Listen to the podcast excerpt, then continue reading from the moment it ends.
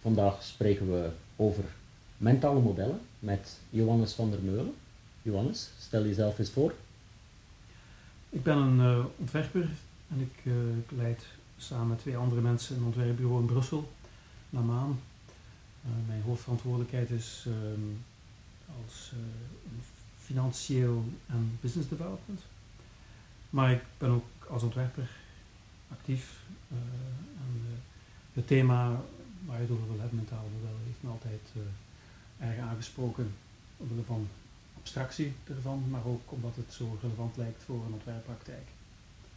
En ik ben blij dat, uh, dat je me daarover uh, een aantal vragen wenst te stellen.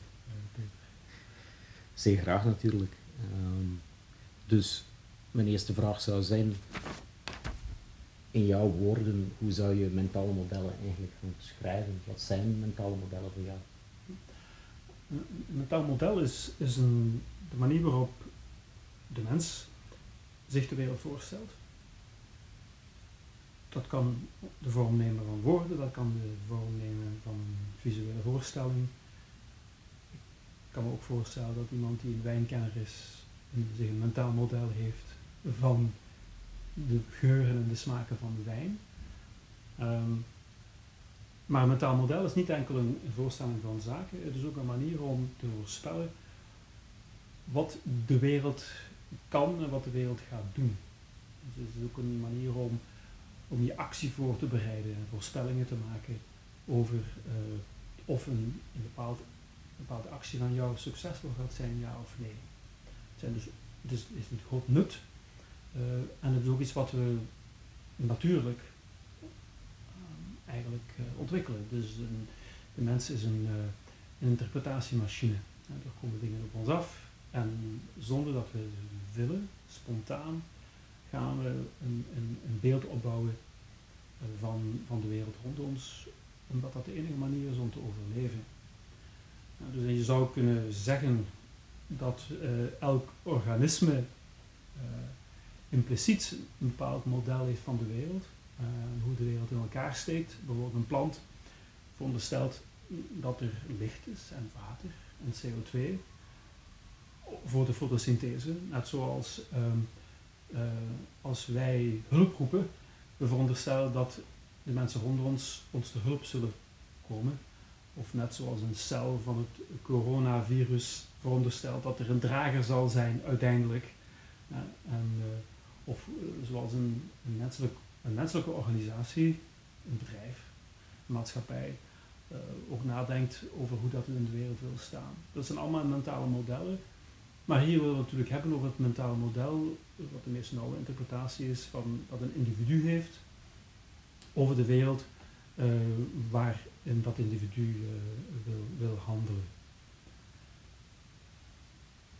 Wij, wij bouwen zelf mentale modellen op, maar bepalen zij ook wie wij zijn voor een stuk?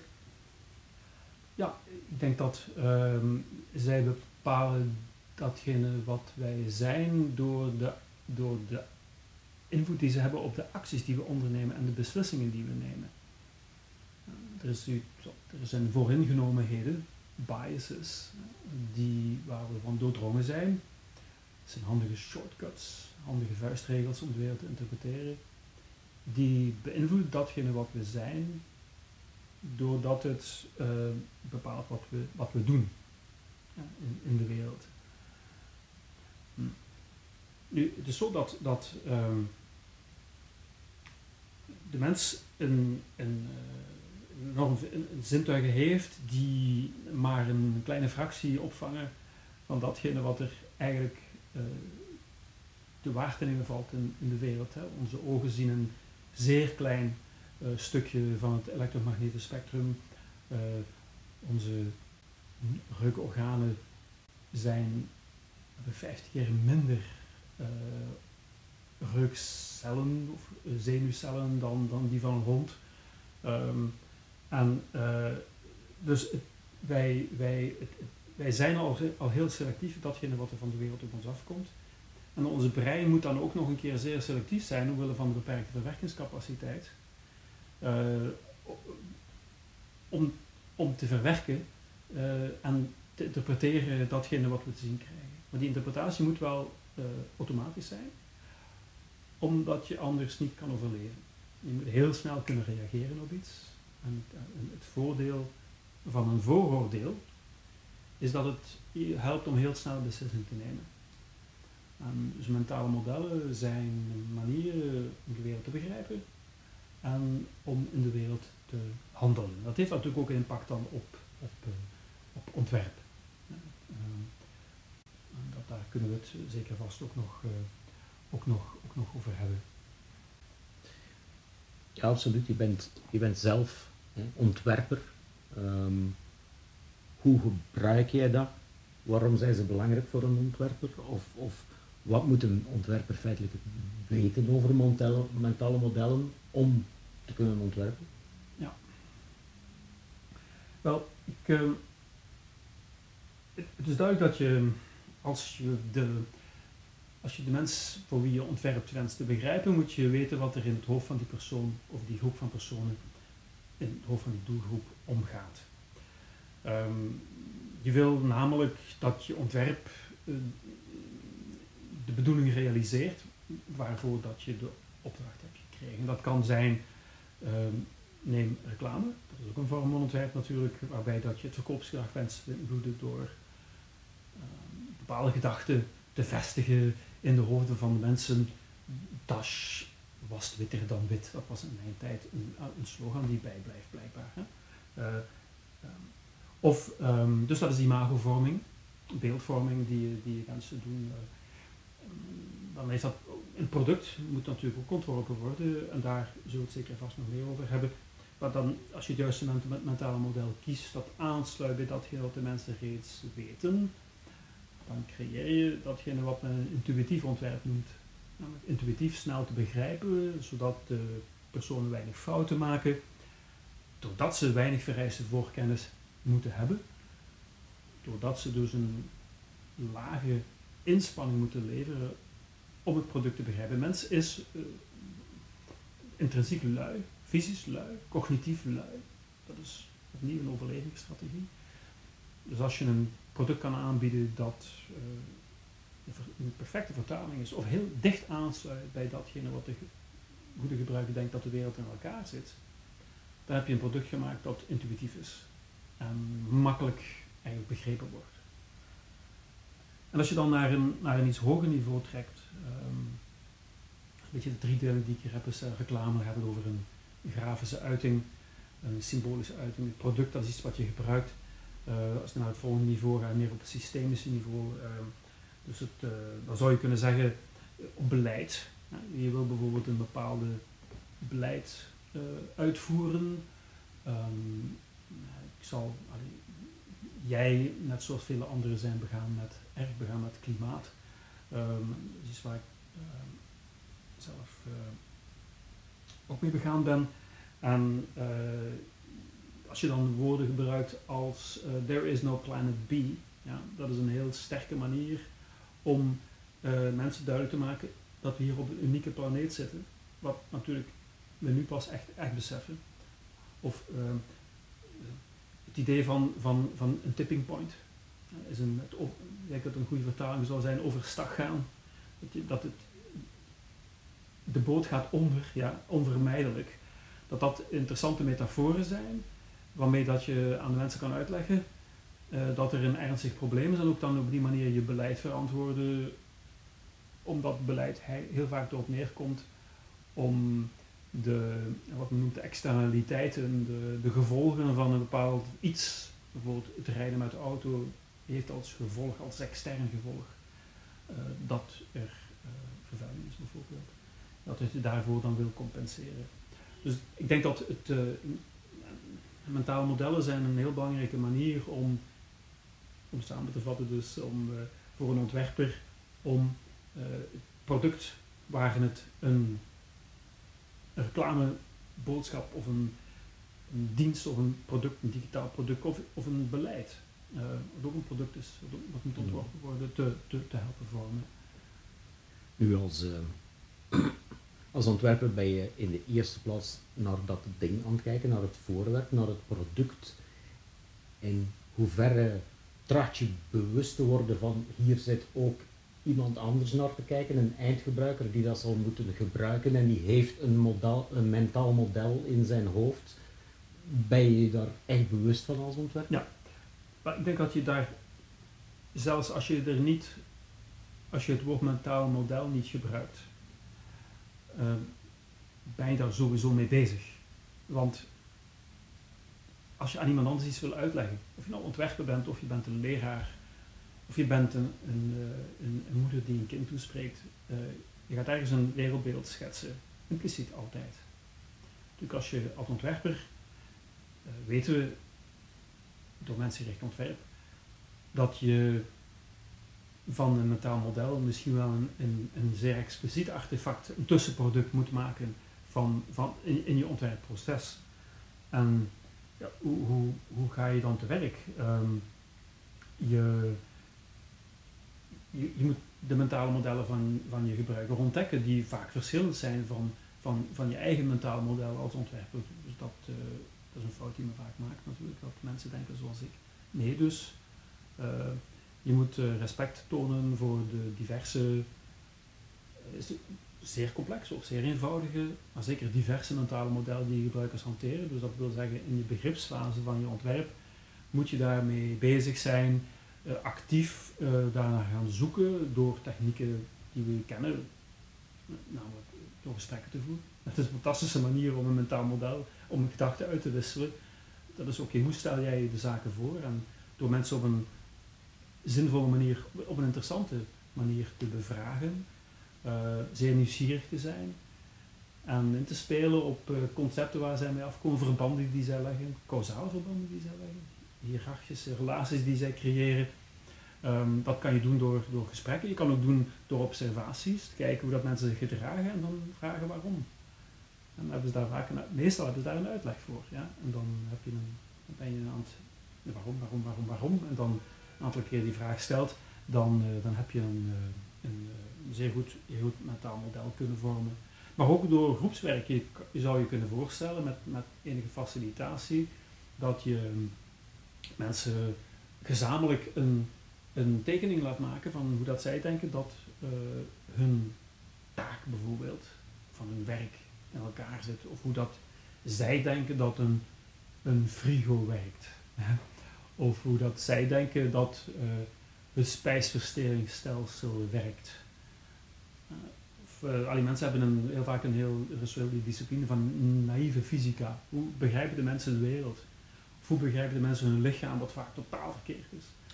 Ja, de mentale modellen komen niet altijd overeen met de werkelijkheid. Nee.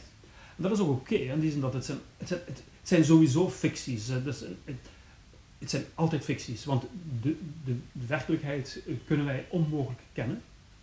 Uh, in die zin dat wij daar de zintuigen niet voor hebben.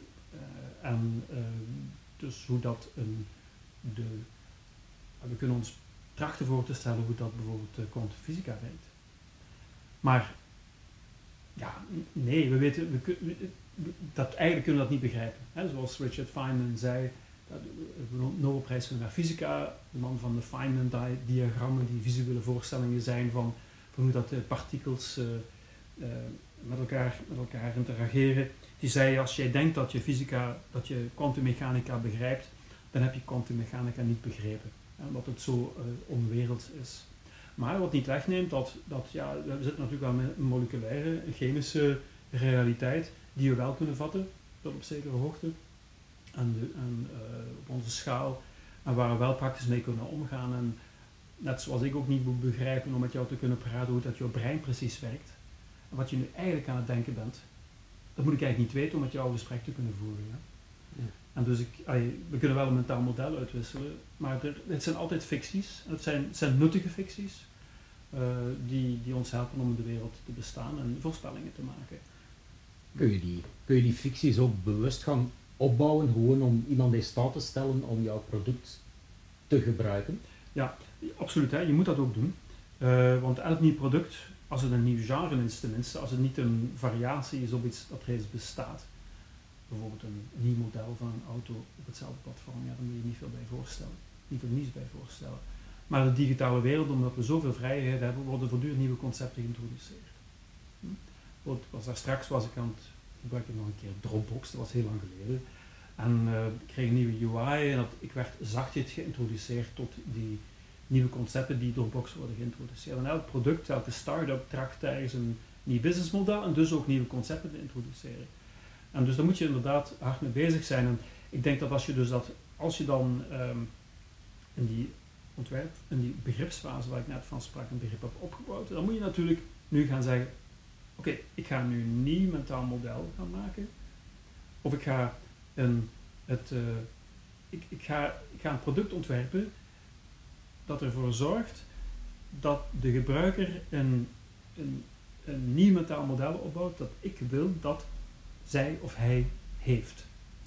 En dat doe je dan uh, door wat men dan in de, wat verwarrend in, de, in het ontwerpen een conceptueel model noemt. Dus de, mentaal model is altijd iets dat in de, dat in de, in de wetware in het brein aanwezig is. Ja? Dus dat, mhm. is, dat, dat, dat kan je eventueel trachten voorstellen in het schema, maar in essentie is een brein bevat het mentaal model. Um, je kan het proberen trachten beïnvloeden door een bepaald product dat uitgaat van bepaalde concepten die je wil introduceren. Vandaar dan bijvoorbeeld conceptueel model gebruikt. Dus je zou, en we doen dat vaak uh, hier in onze praktijk, um, een, uh, een, een, tussenproduct kunnen maken van je ontwerp, dat niet het eindproduct is, maar dat een stap is naar het eindproduct, waar je dat mentaal model of uh, het, het target mentaal model tracht voor te stellen. Kun je daar een voorbeeld van geven? Ja, je kan, ja, je kan bijvoorbeeld een, een heel eenvoudig, je kan een semantisch netwerk gebruiken. Je kan termen met elkaar verbinden. Je kan zeggen, kijk, uh, of een hiërarchie creëren. In het hoofd van de gebruiker maakt, um, maakt uh, deze taak uh, die we moeten uitvoeren, maakt, wordt gebruikt voor dat en dat doelwit. Hm? Dan heb je een mentaal, heb je een mentaal, mentaal model over die taak door verbinding te maken met andere, met andere taken of met, met andere bedoelingen. En je kan, dat is een, dat is een, het, puur is, is dat eigenlijk de, de beste manier om, om mentale modellen voor te stellen via een semantisch netwerk. Dus concepten die je met elkaar, met elkaar verbindt. Maar je kan, dat is heel statisch. Je kan natuurlijk nog veel verder gaan door te zeggen, uh, door te, proberen detecteren, door de waarom-vraag te stellen, uh, wat de causale verbanden zijn. En dan kan je naar een causal loop diagram, of zo'n zo artefact uit het systeem denken, een causal loop diagram, waarmee je zegt, oké, dit beïnvloedt dat en daarom gaat de lijn van daar naar daar en dit is een versterkende, uh, versterkende band of dit is een verzwakkende band. Uh, of je kan nog verder gaan, je kan naar, naar uh, opnieuw een systeem trekken, stock and flow diagrams, waar je dan ja, de wereld nog een keer wat complexer voorstelt door te zien, oké, waar, worden, waar worden dingen gestockeerd en hoe vloeit het van het een naar het ander. hoe je een voorbeeld daarvan is bijvoorbeeld een resultaatrekening en een balans van een bedrijf. Dat is een stock and flow diagram. Dus dat is een bepaalde manier om een complexe economische realiteit van een bedrijf te begrijpen en te capteren in een aantal concepten die een resultaatrekening zijn en, uh, en, uh, en, en, een balans. Dat zijn eigenlijk allemaal mentale modellen om, een, iets te begrijpen dat bijzonder veel, uh, veel complexer is. Maar dan, de truc is dan, als je zo'n mentaal model gemaakt hebt, zo'n target mentaal model, uh, dan, moet je dat, dan moet je heel goed nadenken of datgene waar jij en ook de ingenieur, de bedenker uh, van het product, in het product allemaal ziet, dus het mentaal model van de ingenieur, van de developer, of, dat, of je dat allemaal moet communiceren naar de gebruiker. Nee, dus. En dan moet je dus echt gaan minimaliseren. Dus wat hebben we niet nodig? Heel vaak statussen die niet nodig zijn data-entiteiten die, waar niemand een boodschap aan heeft. Je moet dus heel sterk gaan to pare down, hoe zeg je dat? In, in eigenlijk je complexiteit inbinden, wat een moedige oefening is, waar heel veel compromis voor nodig is tussen alle partijen. Maar mensen worden heel vaak verliefd op een concept, maar dat moet je toch niet uitleggen, moet je dan durven zeggen. Heb je vaak de, de ervaring dat je dan ook die ingenieurs daar een beetje moet in gaan begeleiden en opleiden, of, of uh, zelf hun mentale modellen eerst moet veranderen? Ik denk niet dat je hun mentale modellen moet veranderen, omdat um, dat waren niet goed, want dan kunnen zij hun werk niet meer doen. Want ze hebben natuurlijk een begrip nodig van de machine, dat een ander begrip is dat de gebruiker van de machine moet hebben. En dus dat zijn twee verschillende mentale modellen, net zoals de supportpersoon een ander begrip nodig heeft van, van, van hoe dat het ding werkt.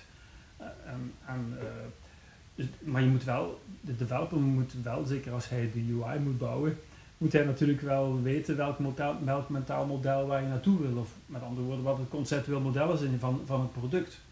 Dat moet je natuurlijk wel snappen. Maar um, het, wat wel moeilijk is, is uh, om, een, om een productmanager vaak ertoe te krijgen om het product zo sterk te vereenvoudigen. En, uh, als dat dan niet lukt, dan heb je natuurlijk de magische usability testing, waar gebruikers op begat gaan. Ja, dat werkt natuurlijk altijd goed. Maar er is ook een andere techniek die, uh, die daar goed voor werkt, om de, de, de, de, complexiteit van iets uh, naar boven te brengen. En ik, ik weet niet, ik noem dat in het, ehm, in het Engels heet dat Chinese Whispers, in het, het, het, in het Frans is dat telefoon arabe, maar in het Nederlands... Telefoneren noemden wij dat vroeger? Telefoneren, telefoontjes of, spelen. Tele ja. zoiets hè? Ja, telefoontjes spelen. Ja, telefoontjes spelen, juist. De ene fluistert in de ander zijn oor en dan fluistert hij door.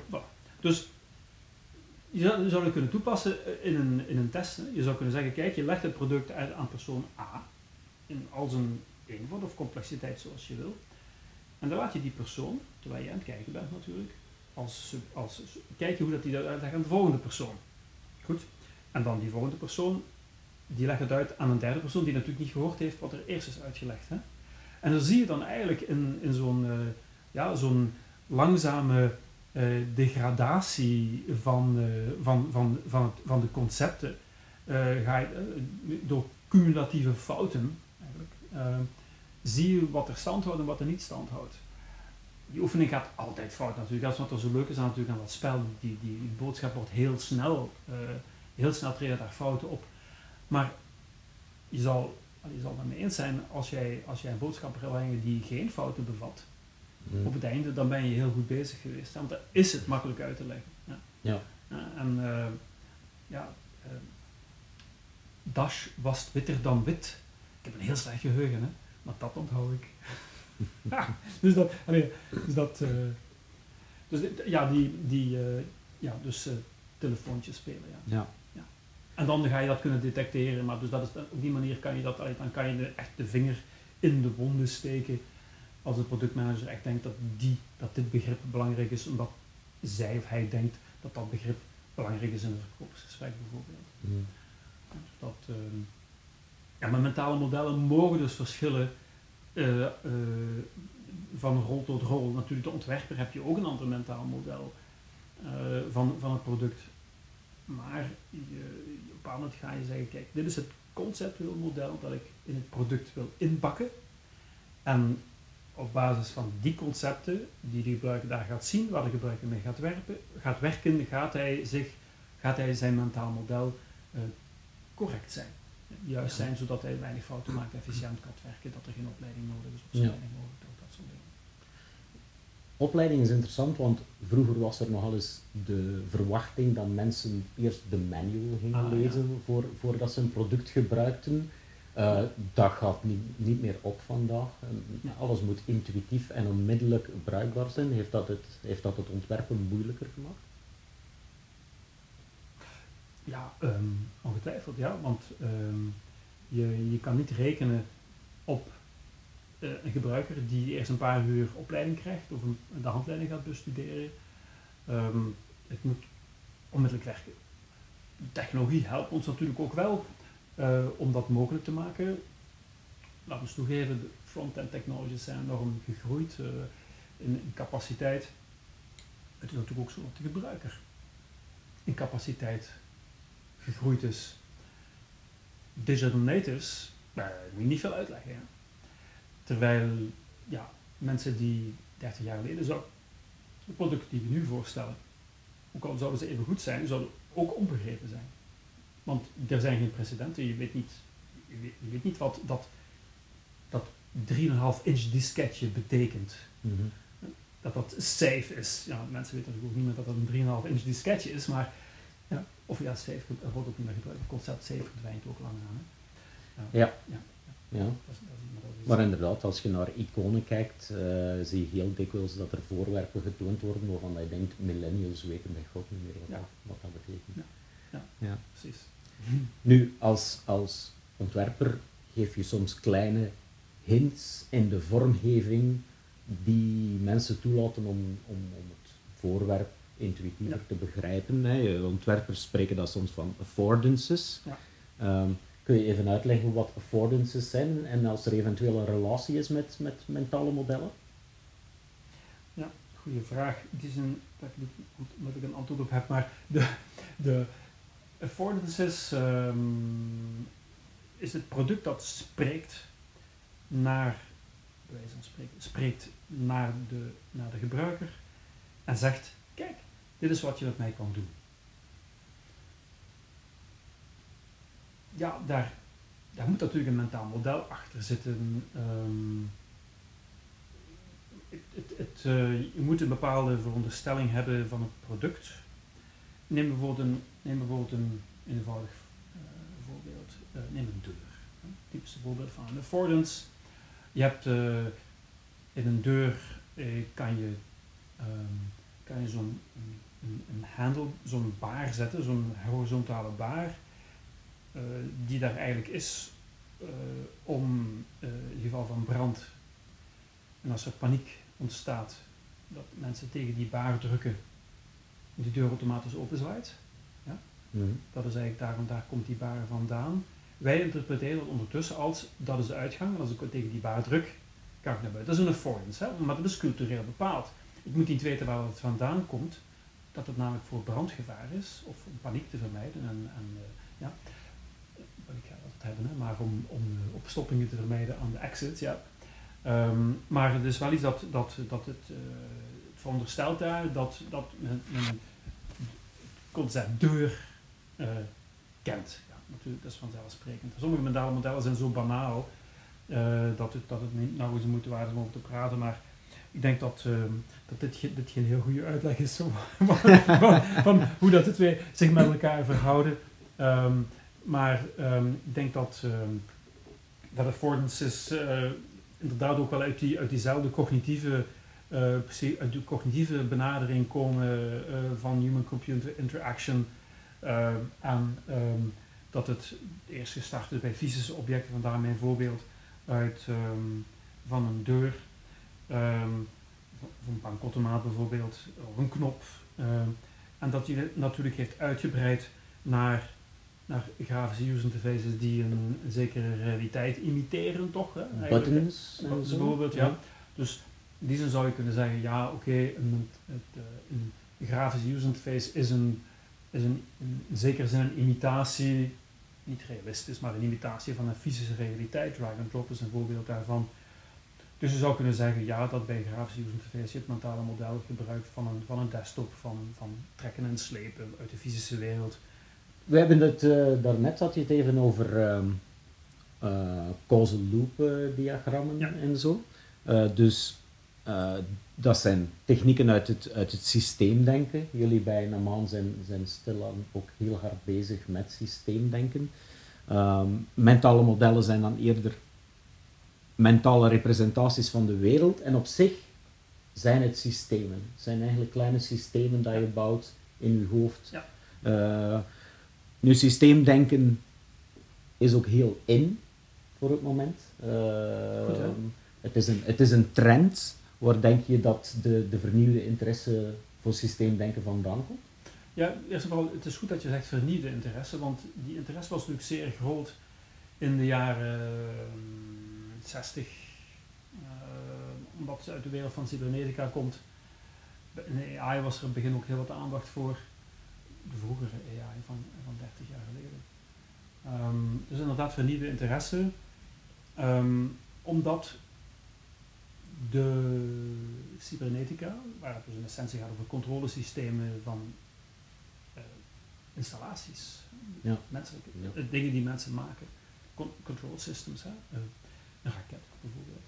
Dat men zegt van kijk, die, die, dat gedachtegoed, die intellectuele traditie rond systemen is zo rijk dat je het eigenlijk ook kan toepassen op uh, sociotechnische systemen. En de complexiteit van de maatschappij mee kan vatten. En, en ja, zoals je weet zitten we op dit moment in een, uh, in een wereld die zeer uh, vluchtig, onzeker, complex en dubbelzinnig is. VUCA. Juist. in schoon Nederlands, ja. Um, en dus dat je eigenlijk uh, dat men dat wat teleurgesteld is in de, in de ingrepen die men doet uh, in de wereld. Er zijn heel veel onbedoelde gevolgen van beleidsmaatregelen bijvoorbeeld. Of van technologie die men introduceert waarvan men dacht van oh, dit gaat de wereld redden. Maar uiteindelijk uh, is er cyberbullying, ik heb het over sociale media, mm -hmm. uiteindelijk is er cyberbullying en is er fake news. Dat was not intended, ja. Zo nee. was het nooit bedoeld. En dus ja, dat is... En waarom, waarom kan men in godsnaam zo naïef zijn? Ja. Um, dat, um, ik was naïef toen sociale media opkwam, of toen ik toen, toen, uh, toen zei user-generated content, was toen ik zei, ja nee, nog, nee toch, dat gaat toch niet lukken. Ja, dat is natuurlijk wel hard gelukt, maar, maar heeft daar wel een aantal, wel, wel een aantal uh, slechte gevolgen gehad. Dus ik denk dat het, het, is, die, die, het is die kwetsbaarheid van de wereld, de teleurstelling uh, met, met harde systemen en ook de erkenning van complexiteit. Dat, je, dat, een, uh, ja, dat een systeem meer is dan, dan, dan de som van de, van de samengestelde delen. Of, hoe zeg je dat? Uh, meer dan de som van zijn delen. Een systeem is meer dan de som van, zijn delen. Zijn complexe interacties ehm, die men cybernetica natuurlijk ook al erkend heeft hoor. dat er soms omdat er runaway uh, effecten kunnen zijn, zoals uh, uh, het, het, overstag gaan van, van het klimaat bijvoorbeeld. Hè? Dus zo'n runaway effect. Um, maar dus ik denk dat dat, het is een, ik zou zeggen, het is in de, in de geest van de tijd. Ja. Ja, en um, dat, ja, een systeemdenken, en dat als je dat dan paart met, met design thinking, dan krijg je dus systemic design. En waar we dan inderdaad hier bijna maan de laatste jaren, en dan voornamelijk in woorden van Christel en mensen rond haar, uh, Christel van Aal, uh, eigenlijk heel veel werk rond gedaan hebben. En dat eigenlijk niet enkel ons inspireert voor, voor, het, ont, voor ontwerpen van user interfaces, wat een belangrijk deel van onze business is natuurlijk, maar ja, in heel onze praktijk eigenlijk heeft, heeft beïnvloed omdat dit ons tools heeft gegeven, uh, denk trans, modellen, uh, methodes, technieken, om over de complexiteit na te denken en dat ook aan te durven. Ja. Om complexe opdrachten aan te durven. Want uiteindelijk een, een product ontwerpen is ook een, voor een stuk social engineering. Hè. Je, moet, je moet met een team samenwerken van mensen die uh, tijdelijk samenwerken om naar een bepaald product te gaan. Ja, dat is een complexe sociotechnische realiteit, een ontwerpteam. Hè. Maar is dat dan toch een zekere evolutie in systeemdenken, of is er echt niks nieuws onder de zon? Want die, die verbinding met design thinking toch, is, is dat een, toch een nieuwe evolutie binnen systeemdenken? Absoluut, uh, heel nieuw. Um, het is, het, ze zijn, ze zijn in zekere zin eh, sluiten ze natuurlijk bij elkaar aan. In die zin dat het, uh, er is een een van de dingen die ze gemeenschappelijk hebben is, ze hebben dan systeemdenken en design thinking, is het incrementalisme. Dus dat wil zeggen dat je geleidelijk vooruit moet gaan, dat je zaken moet ontdekken door ze te doen. Er zijn geen wonderoplossingen, big bangs werken niet, revoluties falen. Je moet, het systeem moet langzaam maar zeker verbeteren, net zoals je een product langzaam maar zeker verbetert. Dus dat, daar zijn heel veel, dat is ook heel erg mensgericht. Um, er is een zekere nerdiness aan de beide ook, als ik dat nu bedenk.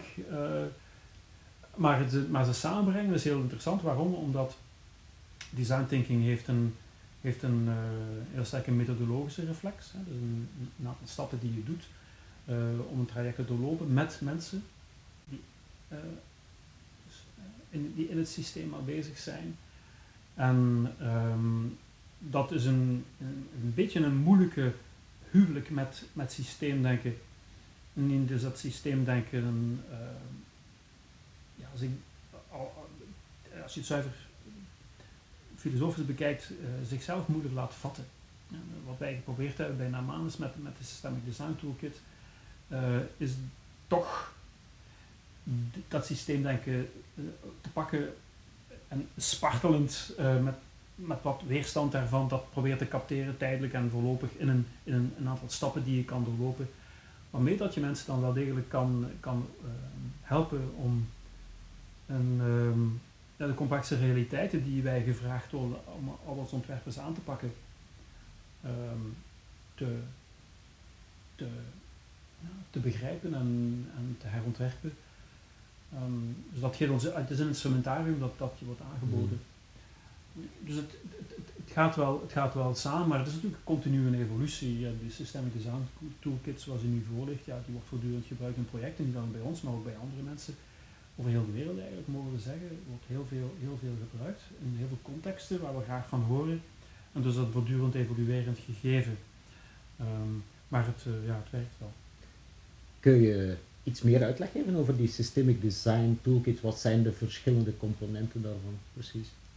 Wel, het, zijn, het is een, gepubliceerde versie, dus in uh, systemicdesigntoolkit.org uh, staat die in uh, Creative Commons overigens uh, stukken daarvan ter beschikking en dat is dus een stappenplan. zeven stappen. met elk per, per, per stap zijn er twee technieken. En dat is, ja, dat is toevallig zeven, dat klinkt natuurlijk ook mooi, maar dat is toevallig zeven. Dus waarbij dat je inderdaad een begrip op, opbouwt van, van, van een systeem, uh, in het systeem interveneert en dan een transitiestrategie uitwerkt. En je kan het toepassen op, uh, op een, allerlei complexe systemen. Dus het is, uh, het wordt het voornamelijk in eerste instantie is, is er interesse bij overheden, omdat zij natuurlijk met een, met een grote complexiteit zitten. Ik heb heel veel respect voor het beroep van een politicus, moet ik zeggen. Zij moeilijk uh, zeer complex, zeer veel stakeholders met verschillende belangen, verschillende perspectieven. Dus overheden hebben interesse in, uh, in systeemdenken, um, maar ook bedrijven meer en meer als ze aan herorganisaties doen. Uh, ze, zien, ze zien het niet noodzakelijk als een wicked problem, maar een bedrijf in moeilijkheden is een wicked problem. Hè? Dat is een, is een moeilijk probleem, is een wild probleem, heel moeilijk om aan te pakken. En daar kan je systeemdenken ook voor gebruiken om de, om de geesten te verbreden. Um, dus dat, dat is een, ja, toolkit bevat dus een aantal uh, technieken en stappen om eigenlijk breed en holistisch uh, het woord mogen echt wel gebruiken te kijken naar, naar een problematiek en, en niet onmiddellijk denken kijk dit is de oplossing. Wat je natuurlijk ook uh, design thinking leert je ook om niet te snel verliefd te worden op je, op je, op je, eerste, op je eerste ideeën. Um, dus ja. Hoe ziet zo'n hoe ziet zo'n sessie er dan precies uit? Wat, uh, hoe gaan jullie dan aan de slag? Een, wel, ik denk dat de, de, de, dynamiek, uh, als je het hebt over een sessie, dan heb je het over, over workshops, de technieken van, die je gebruikt voor social engineering en consensusvorming, um,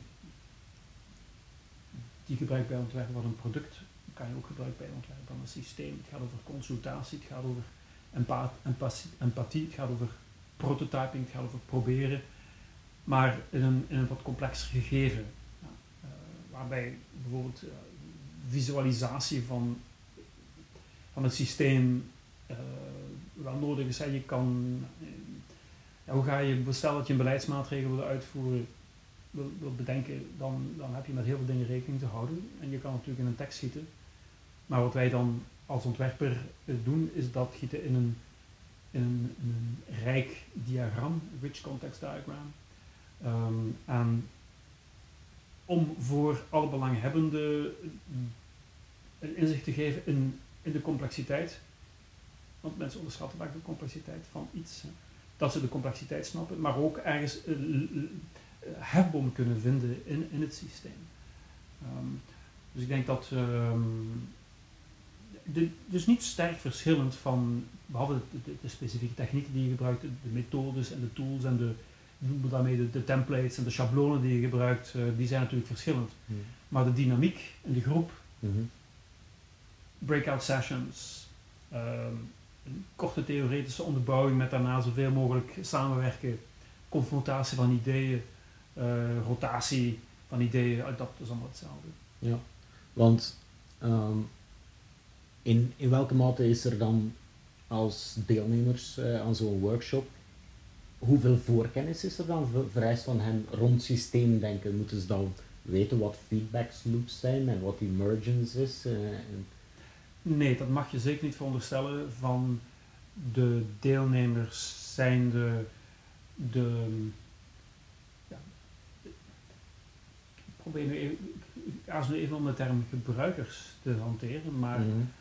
Ja, de agenten misschien in het systeem. Mhm.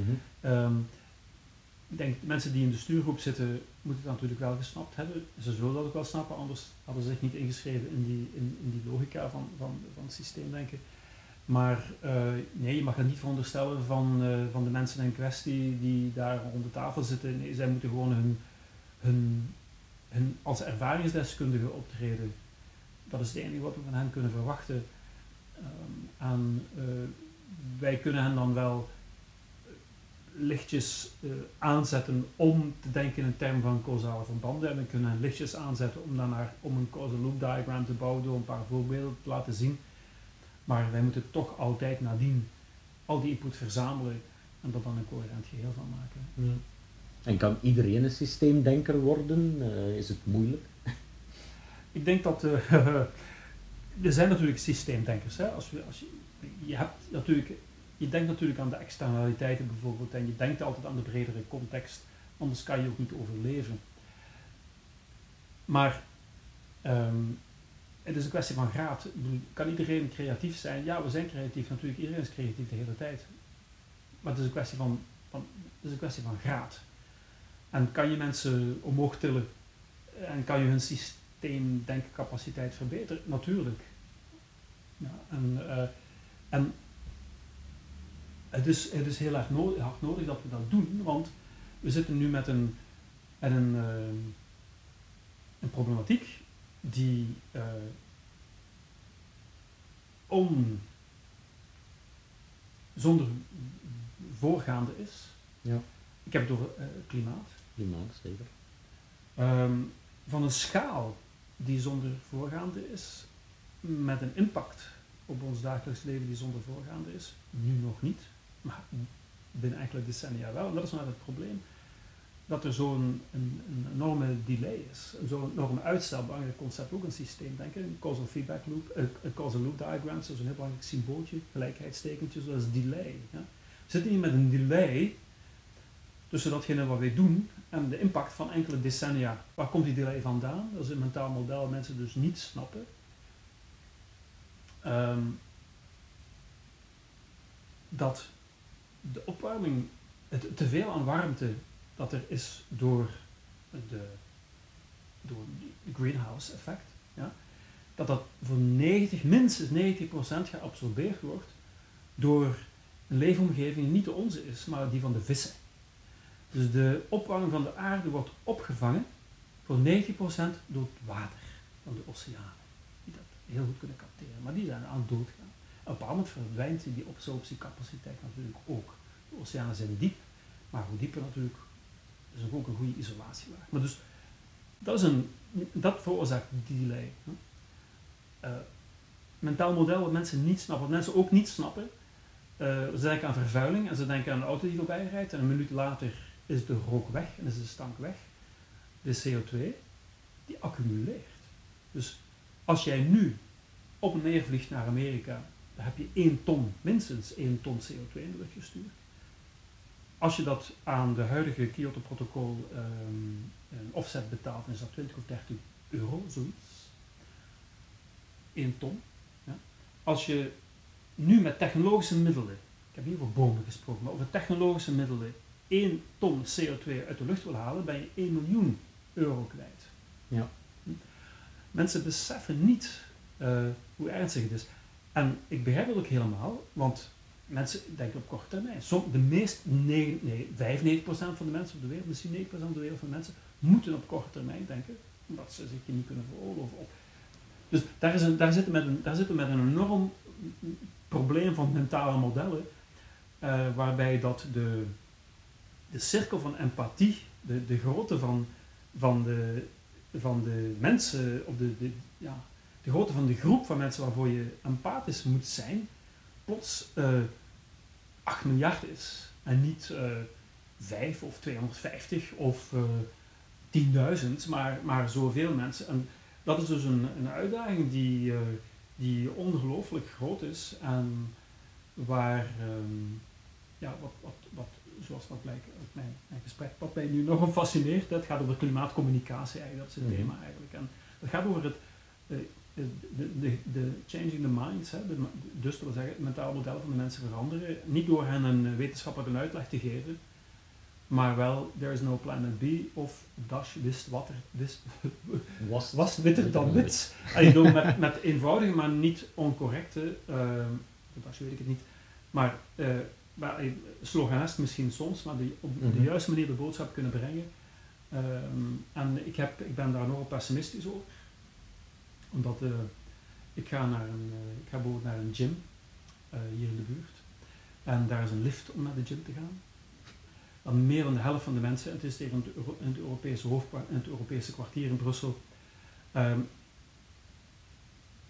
de meeste mensen in de lift. Ja. En wat? Wat? Mensen dan niet na? Nee, dus blijkbaar. Ja. Dus hoe, hoe verander je dat? Dat is een makkelijke doelgroep. Hè. En Indië heeft 5% van de bevolking nog maar gevlogen. Hoe ga je die andere 95% ervan overtuigen van dat vliegtuig te laten staan? Ja. Bijzonder moeilijk, hè? Dus daar is een, is een enorme uitdaging. Dat is ja, hearts en minds. Uh, beide moet je doen. Hè? Dus de minds is dan de wetenschappelijke uitleg die je kan geven, maar dat mensen. Maar hearts is natuurlijk veel belangrijker. Nu, het is interessant als, uh, als we nadenken over de capaciteit uh, van iedereen, om in meer of mindere mate om, om systeemdenker te zijn, systeemdenker te worden, wordt er dikwijls het, het verschil gemaakt tussen een westerse traditie, die toch zeer analytisch is en, en dan vaak reductionistisch genoemd wordt, en dan meer een oosterse traditie vanuit het boeddhisme, die meer holistisch uh, toch een, een, een blik heeft op de wereld. Is dat iets dat je, dat je zelf ooit gemerkt hebt? Nee. En ik weet het niet. Ik kan me niet over uitspreken. Ik, ik ben een beetje sceptisch. Um, niet over boeddhisme, verre van. Over, maar het, het, klinkt een beetje orientaliserend, weet je. Mm -hmm. hm? um, ik vraag me af, hoe, als je dat nu zou vragen aan iemand in het oosten, of zij dat ook vinden dat wij meer reductionistisch zijn dan zij. Ik weet niet of dat die zelf weet, ik weet niet wat ze zouden antwoorden. Het is wel degelijk zo dat uh, de maatschappij die wij hebben gebouwd, uh, door haar reductionisme er natuurlijk wel geslaagd is om een enorme, enorm succesvol te zijn. Uh, op, een, op een technologisch niveau, impact op, op de aarde. Um, terwijl een meer beschouwelijke, levensbeschouwelijke één met de natuur, uh,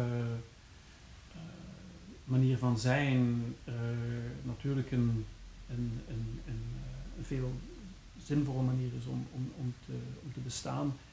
Veel duurzamer sowieso, ja. Mm. maar um, ik, ik weet niet of het, of, het, of het zo eenvoudig is, ik denk het niet. En ik denk, het oosten is ook heel groot, weet je. Um, ja. Dus het, ja, het Westen, ja, het is, is zo'n categorie, ik weet niet of dat een relevante categorie is. Het is misschien een, weer een westers idee om zo te denken. Ja, in westers ja. en oosters. ja, ja, inderdaad, ja, inderdaad. Ik, ik wil het nog even uh, over, jullie, over jullie toolkits en de manier waarop dat jullie werken hebben. Um, er wordt meer en meer gesproken over co-creatie. Mm -hmm. ja. um, is dat een manier om mentale modellen van klanten versus dan eindgebruikers dichter bij elkaar te brengen? Als je klanten, dan bedoel je de mensen die de product, die productsponsors, de ja. productontwikkelaars. Um, wel, ik vraag me af of je die wel dichter bij elkaar moet brengen. In die zin dat ik denk dat iedereen, uh, de ingenieur, de productontwikkelaar, de marketeer, de support person, person uh, de ontwerper, iedereen heeft recht en moet ook zijn eigen mentaal model hebben om te kunnen werken en zijn beroep te kunnen uitvoeren. de ontwikkelaar moet denken in termen van. Ja, de ontwikkelaar moet denken als een computer. Ja? Want de ontwikkelaar moet het mentaal model van de computer overnemen. Dat algoritmes denken is een, is, een, is een computerdenken. Ik heb niet gezegd dat de ontwikkelaar een computer moet worden. Dat werkt natuurlijk niet. Maar hij moet wel begrijpen hoe die computer werkt. Dat wil zeggen, het mentaal model impliciet in de computer moet hij, moet hij, moet hij bevatten. Ehm, natuurlijk, als, als de ontwikkelaar een front-end ontwikkelaar is, dan wil je wel dat zij, of vaak een hij, sympathie heeft voor het eh, concept en model van de user interface dat je als ontwerper bedacht hebt om het juiste model, mentaal model te introduceren bij de gebruiker, er in zijn hoofd te krijgen. Maar je moet, het, moet een dag niet veranderen. Ehm, ik denk dat eh, een co-creatie dient om meer om eh, respect op te brengen voor elkaars perspectief. Het is perspective taking. Hm? Eh, Mhm. je, je, je, speelt de rol van iemand anders en doordat je begrepen hebt hoe dat die andere persoon denkt, ga je betere beslissingen nemen op wat de beslissingen moeten zijn die voor, je- die voor iedereen goed zijn. Hmm. Dat is de essentie van een, van een goed product. Het moet voor iedereen werken. Het moet voor de, de service provider, voor de, voor de klant. eh, het moet, een, eh, moet voor ja, iedereen een goede, goede, een goede zaak zijn. En daar moet je dus inderdaad de- al die perspectieven, die verschillende perspectieven, die externaliteiten, eh, die causale verbanden, je moet dat allemaal, allemaal snappen. En dat, dat, dat is, wij vinden dat gewoon heel prettig, omdat wij als mensen zijn, we, zijn, we zijn enorm goede, goed, goede, goede, bedoel, enorm bedreven sociale wezens. En co-creatie eh, werkt dan heel goed om, om tot, eh, tot iets, te komen dat niet noodzakelijk een consensus is, hè, maar waar tenminste iedereen het mee eens kan zijn. En, ehm, en waar geen bezwaren tegen zijn. Ik denk dat eh, co-creatie is gewoon fijn om doen. Ehm, en als facilitator, zoals iedereen die faciliteert zal weten, zeer uitdagend. Ehm, omdat je net al die verschillende perspectieven hebt. Maar als je dat eh, gestructureerd eh, aanpakt en, en bekwaam aanpakt, en dat zeer zorgvuldig voorbereidt, dan krijg je a priori in elk geval respect van alle deelnemers op de tafel. Als het gewoon post-it notes zijn, dan zijn de mensen snel op jou uitgekeken als facilitator. Maar als je een, een zorgvuldige voorbereiding laat Hmm. blijken, dan hebben ze respect voor het proces. Hmm. Om te beginnen toch, dat is Ja. wat je nodig hebt hè, om te beginnen. Hoe lang ben je zelf ontwerper? Al 33 33 jaar. Nu, design thinking workshops jaar. zijn ook nogal een modeverschijnsel momenteel. Worden niet altijd tegenwoordig gegeven door, zeg maar, gediplomeerde designers. Het zijn, Ja. het zijn soms, eh, wordt gecombineerd met facilitators die Lego Serious Play doen en zo. Voel jij daar als een eh, als, als designer, zie je dat als een positieve trend? Of denk je van sommige mensen zijn daarmee bezig en ze weten eigenlijk niet waar ze mee bezig zijn? Hmm. Weet ik wel waar ik mee bezig ben. Ik, bedoel dat, ik, ik denk dat iedereen in zekere zin heel veel niet weet. Dus eh, respect voor de onwetendheid, één. En ik denk dat, ehm, dat het ook niet noodzakelijk een ontwerper moet zijn die faciliteert. Het, het moet, er moeten ontwerpers in de ruimte zijn, ja? maar het moet gewoon voornamelijk een goede facilitator zijn. Die, eh, die de ruimte aanvoelt. Allee, dat wil zeggen, de mensen die in die ruimte zijn, die de dynamieken aanvoelt, weet wanneer je moet ingrijpen, wanneer niet. eh, kan improviseren eh, om de dynamiek op gang te houden, weten wanneer te stoppen, wanneer pauzes te doen. eh. Eh, ik denk dat dat, een, dat dat belangrijker is om, om een goede co-creatiesessie te faciliteren, moet je voornamelijk een goede facilitator zijn. Oké. En, eh, en, Lego Serious Play is een van die vele manieren, spijtig dat er die brand aan vasthangt, maar om, om eh, ja, te, na te denken terwijl je aan het fysisch bezig bent, terwijl je aan het spelen bent met, met je handen. Hè, dus tinkering, hè, dus knutselen te denken, ehm, dat, eh, dat werkt heel goed en, en dat, dat heb je, daar kan je Lego Serious Play voor gebruiken. Daar kan je met, eh, met, met draadjes en, en kabeltjes en ehm, stiften en poppetjes natuurlijk ook doen. Maar serious play, lijkt me serious play, het werkt. Ja. Ehm, ja. En gaan jullie niet- dan... Niet te dogmatisch eh, wordt gebruikt. hè. Als je deel uitmaakt van je, van je, van je palet Ja, van, van mogelijkheden die je als, eh, als, eh, Ja. als bedenker van de workshop eigenlijk hebt. Ja. en gaan, jullie- gaan jullie dan man de rol van designer, facilitator combineren of worden die soms uit elkaar eh, gehaald? Iedereen die hier werkt is een designer. Mhm. ja? En iedereen die hier werkt eh, wordt verondersteld om een workshop te kunnen faciliteren. Dus we hebben zo niet die, die scheiding. Natuurlijk, het lukt niet iedereen even goed. Hè? Nog designer, nog facilitator, nog andere dingen. Hè? Ehm, maar ehm, nee, ik denk dat eh, het zijn, het zijn, als wij faciliteren, dan is het zaken een ontwerper die faciliteert. Ehm, en, nou, stel dat we bijvoorbeeld voor onszelf, stel dat wij onze organisatie willen herdenken, dan, dan zullen wij een externe facilitator erbij halen die niet noodzakelijk een ontwerper is, maar een organisatiedeskundige is. Wat Mhm. ook natuurlijk in zekere zin een ontwerper is. Mhm. Ja. Organization design. Ja, ja. Ehm, Eh, mijn beeld van Amman is, is dat het een fundamenteel lerende organisatie is. Dat er heel veel aandacht besteed wordt aan leren. Niet alleen hè, naar klanten, maar- ook intern. ja, dat is een, ehm, dat is een, dat is een manier om eh, in de wereld te zijn. Mhm. Ehm, in die zin dat eh, de mensen die hier werken ehm, eh, gewoon heel graag leren. En dat is begonnen met mij als oprichter. Maar dat heeft zich natuurlijk in het DNA van de organisatie verspreid. En dat is ook een van de redenen waarom mensen graag, graag naar hier komen om te werken. Omdat ze voortdurend dingen kunnen leren. En als ze dat niet meer kunnen doen, dan zijn ze ook weer weg, zie je. Eh, maar dat heeft ook natuurlijk een, het, het, eh, het effect dat, dat, eh, dat we minst lichtjes, ah, licht, licht, lichtjes vooruitlopen. Dat we voortdurend nieuwe dingen proberen, falen natuurlijk ook nu en dan. Dingen proberen en, en, op die manier een, een, een bijzonder aanbod hebben naar de markt toe. Waarbij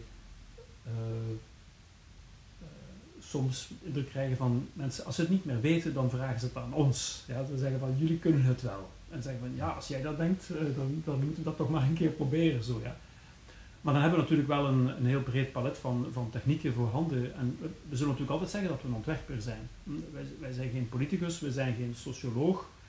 We blijven natuurlijk altijd als human-centered designer actief met een, met een, eh, met een, aantal, een aantal disciplines, die ons in, een aantal technieken die, die, we, die we beheersen, een aantal domeinen die ons interesseren.